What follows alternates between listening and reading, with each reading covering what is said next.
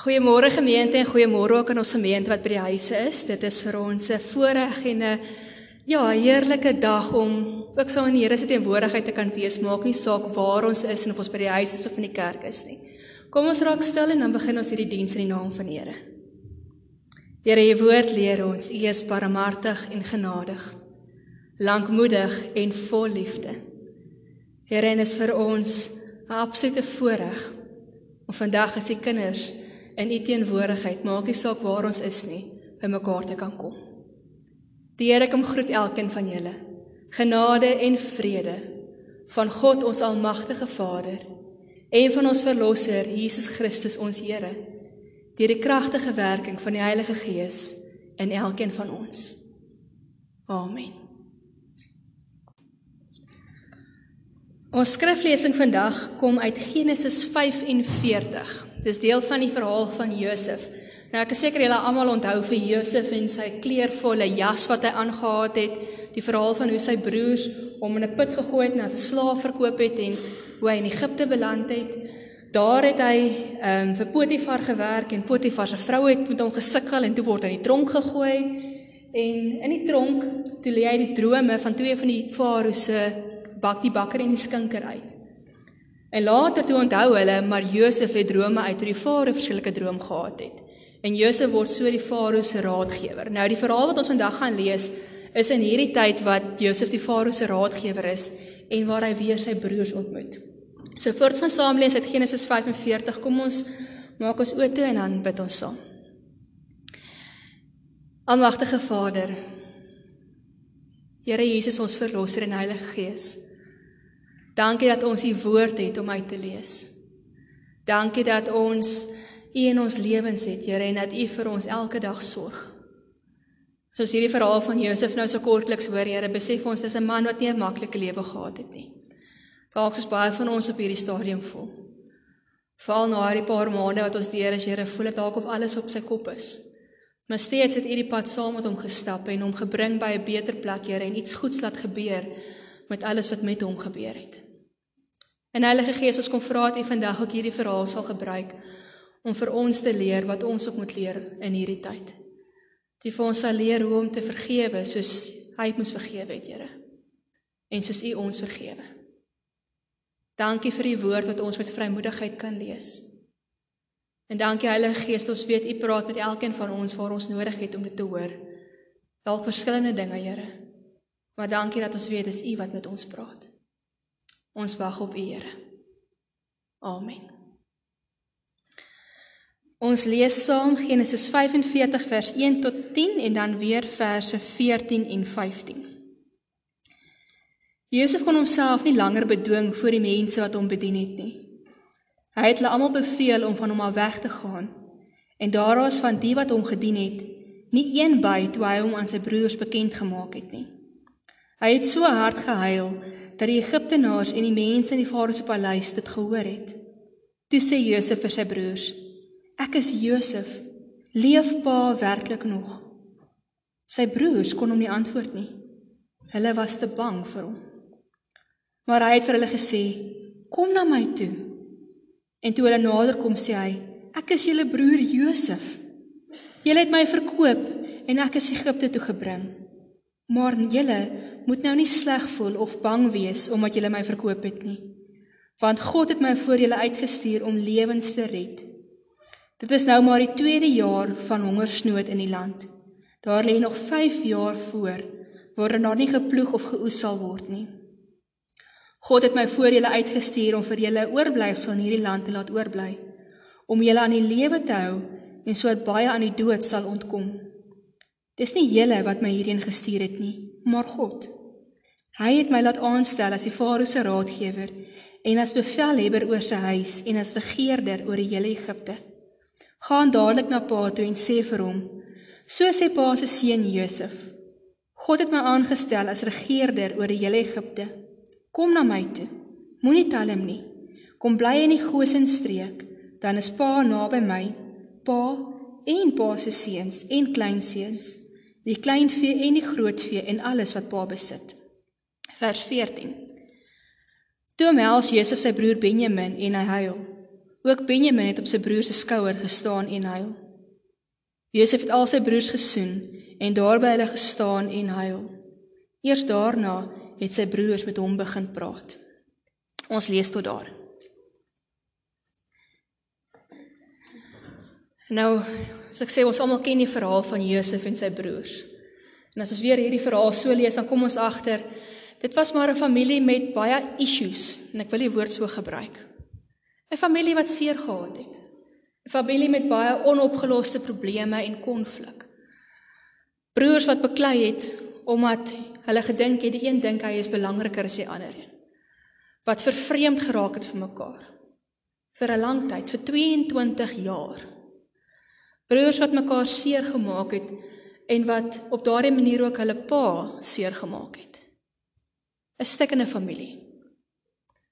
As ons hierdie verhaal so luister, dan dink ek ons verstaan eintlik baie goed hoe hierdie familie gelyk het.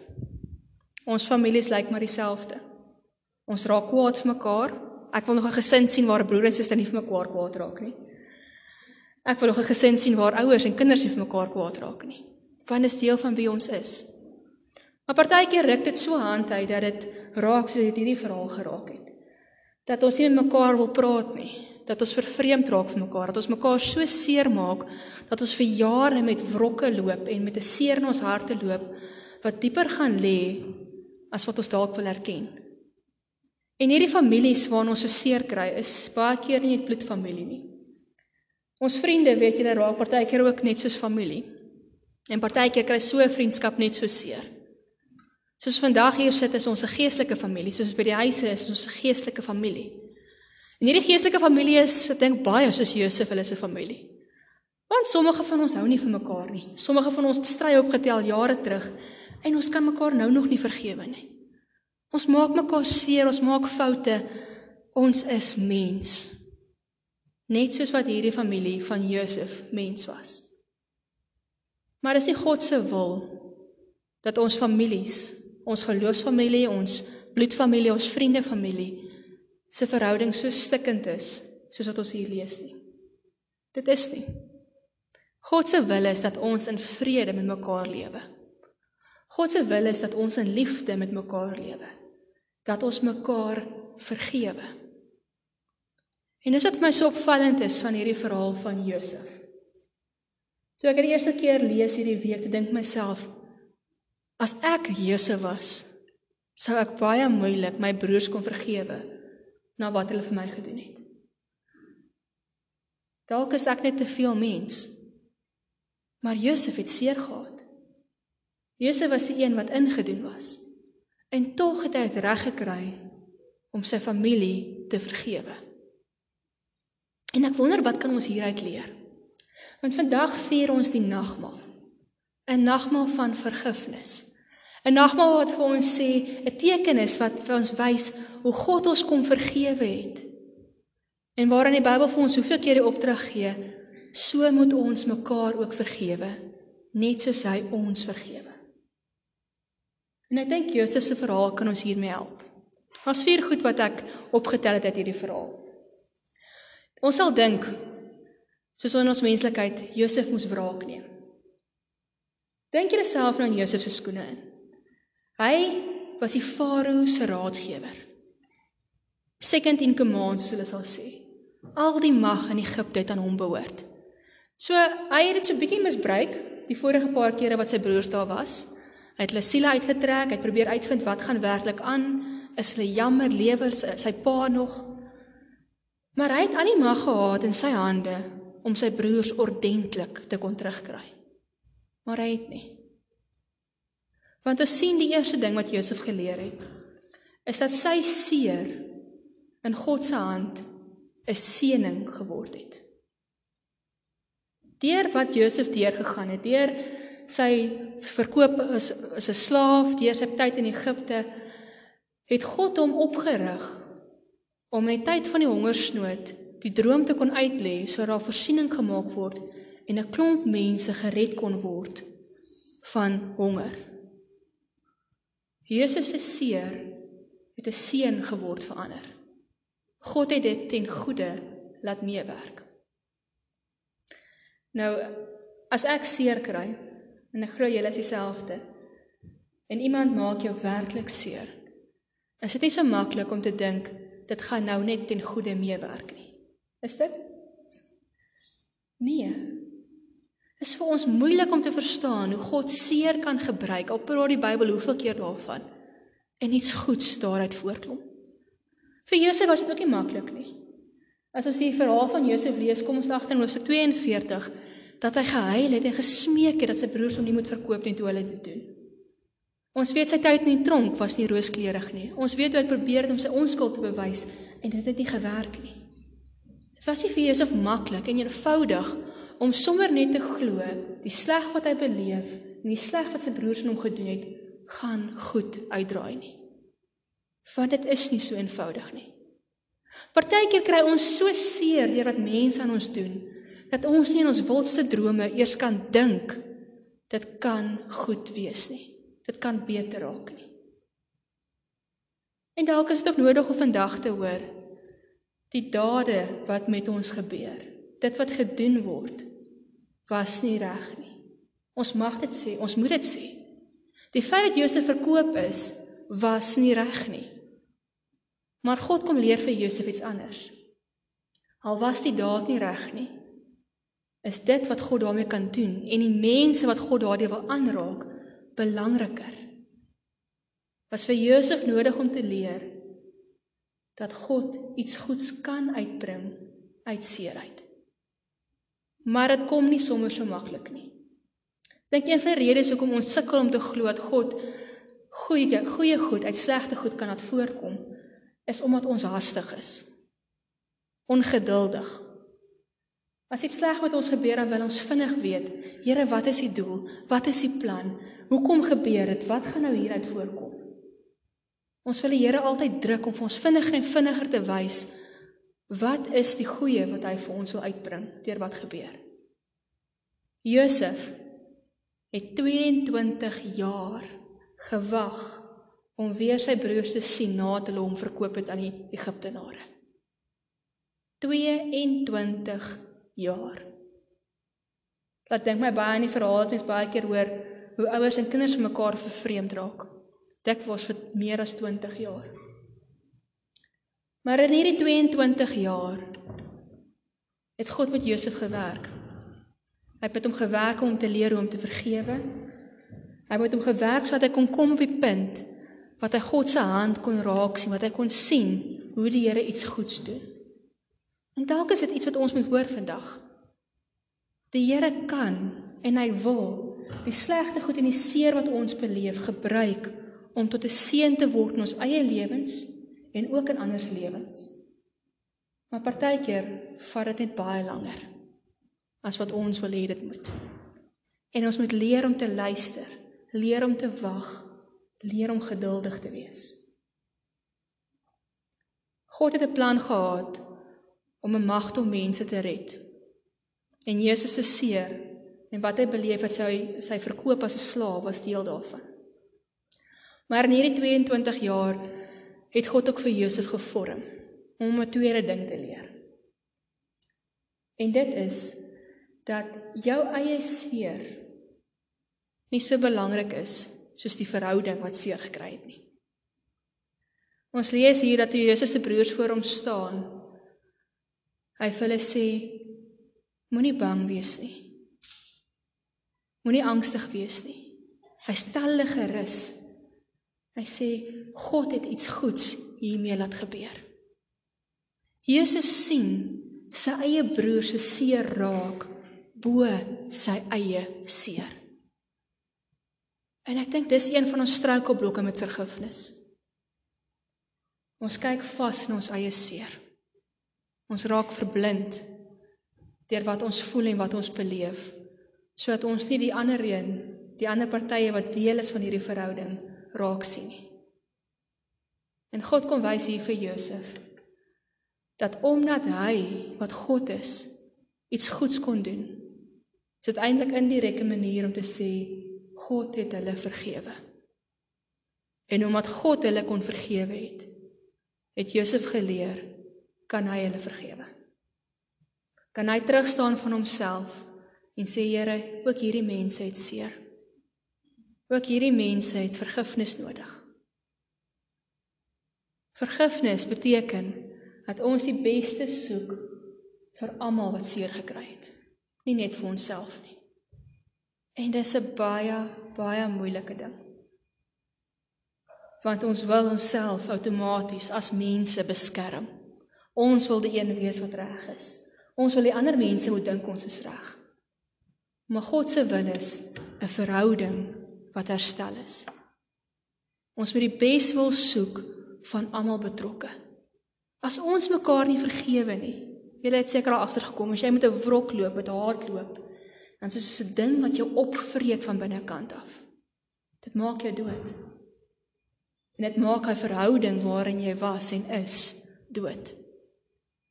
So om iemand te vergewe, om iemand eie anders se seer te kan raak sien, help dat ons mekaar kan vergewe, help dat ons kan gesond word en die verhouding herstel, want dit is God se wil. Dit beteken nie jou seer is onbelangrik nie. Jou seer is seer. Maar die ander mens en hierdie verhouding is vir God net so belangrik. Ons lees in 'n veel plekke in die Bybel waar die Here vir ons sê ons moet bereid wees om die ander wang te draai. Ons moet bereid wees om die minste te wees. Ons moet bereid wees om onsself op te offer vir ander. En dis wat Josef hier geleer het. Sy eie seer was nie so belangrik soos sy broer se seer nie.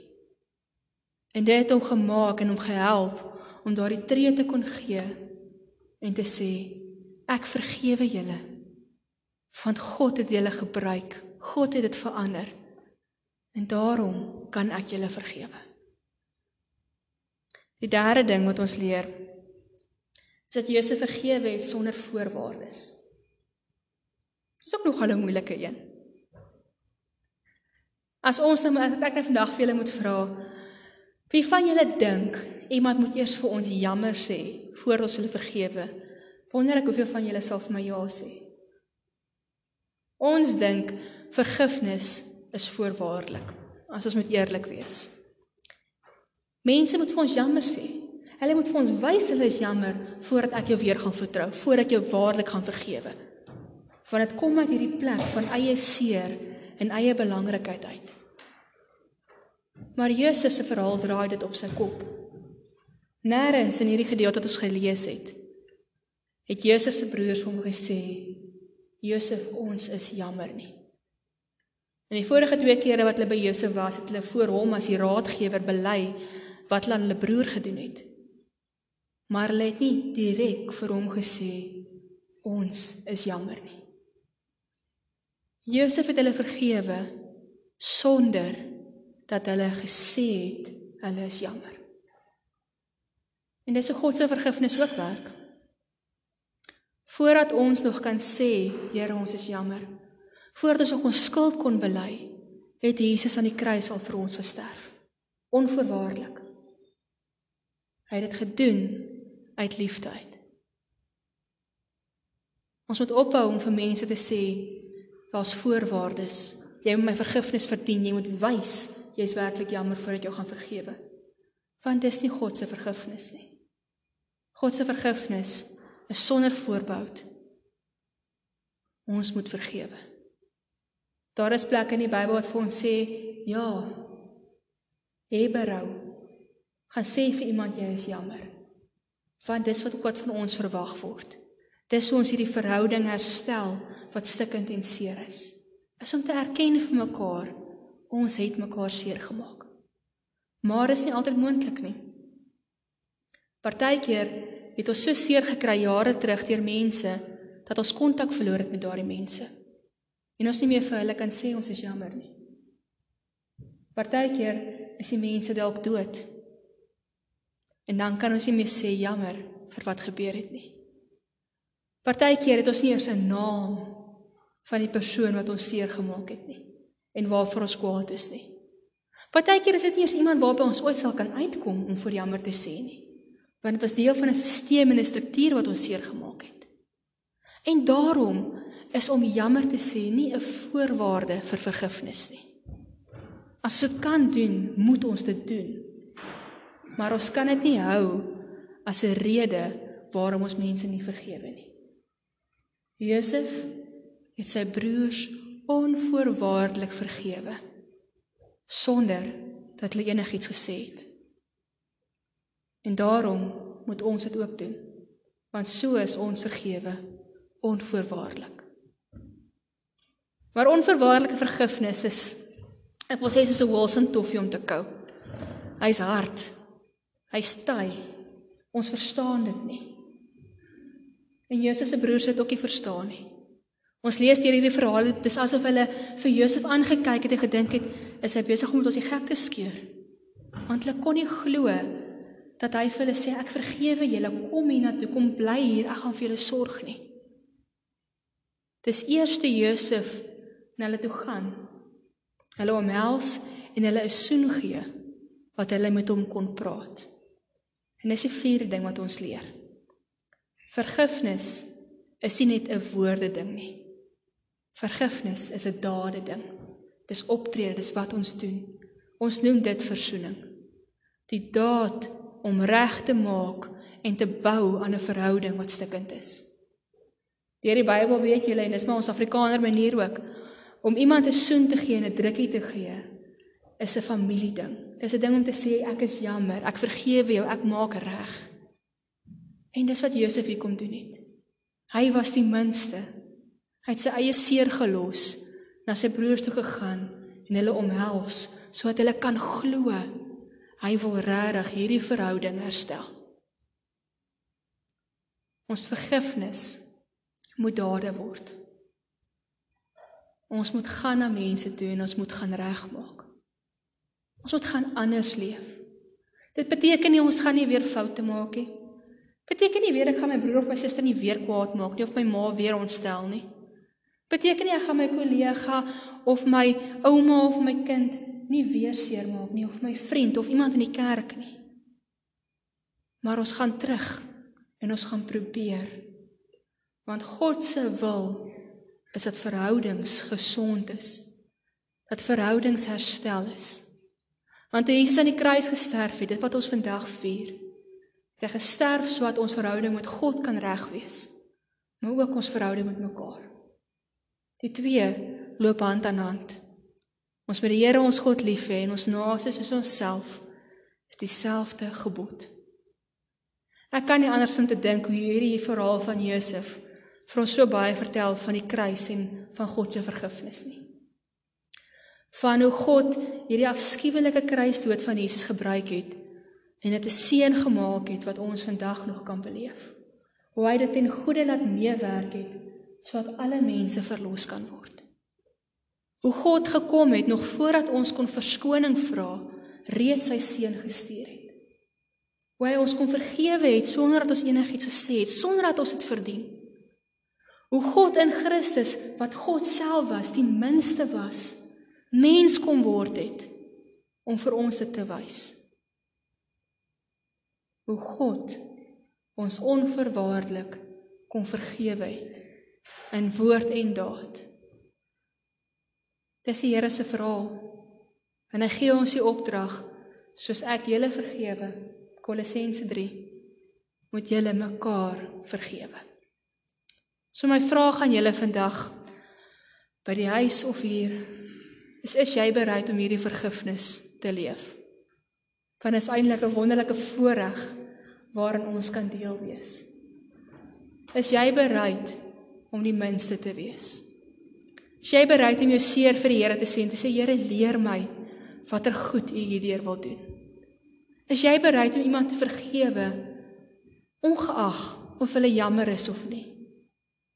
Is jy bereid om te gaan regmaak, te gaan werk, die moeite te gaan insit sonder die vrees dat jou gesig terug gegooi gaan word? Want dit is ons opdrag. Vergewe mekaar soos jy vergewe is. Wees draers van verzoening. Wees kinders wat vergifnis en verzoening leef in hierdie wêreld. As ons dit nie gaan leef nie, As ons soos Josef gaan wees nie, hoe gaan mense weet en verstaan wat God kom doen het? Ons gaan nou oorgaan na die nagmaal. Ek gaan vra die musiekbediening vir my na vore kom om vir ons 'n lied te sing. Ek vra dat julle by die huis vir julle nagmaal sal gereed kry en ook hier in die kerk julle nagmaal gereed sal kry. Kom ons gebruik hierdie lied as 'n voorbereiding vir wat ons gehoor het, as 'n gebed, as 'n skuldbelydenis om by die Here reg te maak en ook vir hom te sê Here, ons wil ook met mekaar regmaak.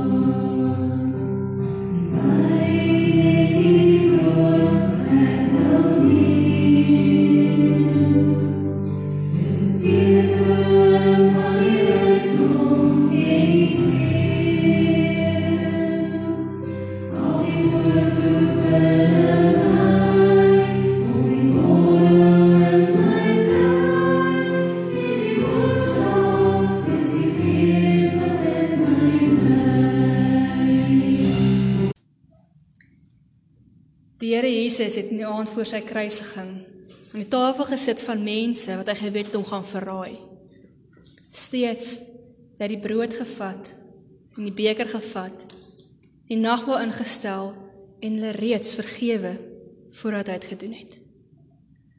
So die brood wat ons breek, is 'n teken van die liggaam van die Here Jesus Christus wat vir ons gebreek is. Neem dit vandag. Eet dit en glo dat die Here vir jou gesterf het tot 'n volkomme verzoening van al jou sondes.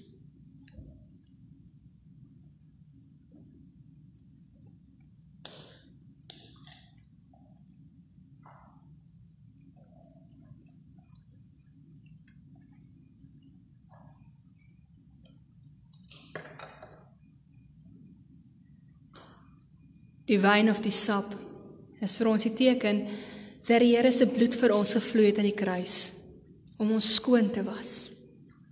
Neem dit vandag, drink dit en glo dat die Here jou ook skoon gewas het van al jou sondes.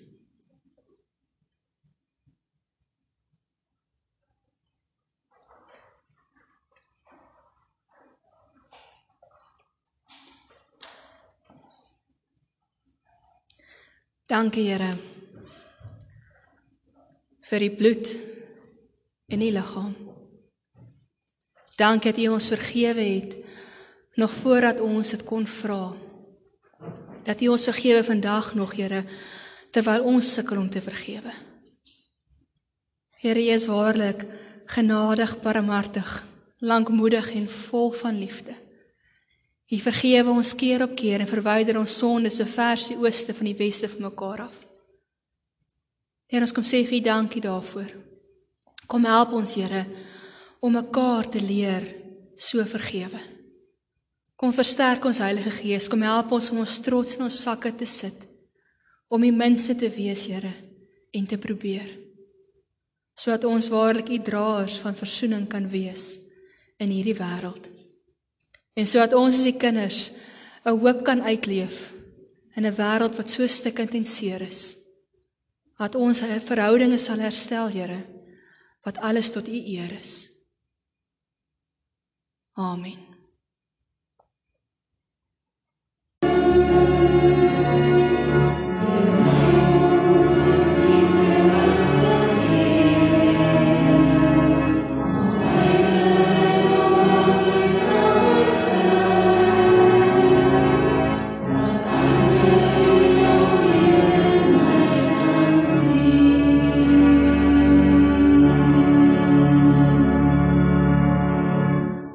Ontvang die seën van die Here.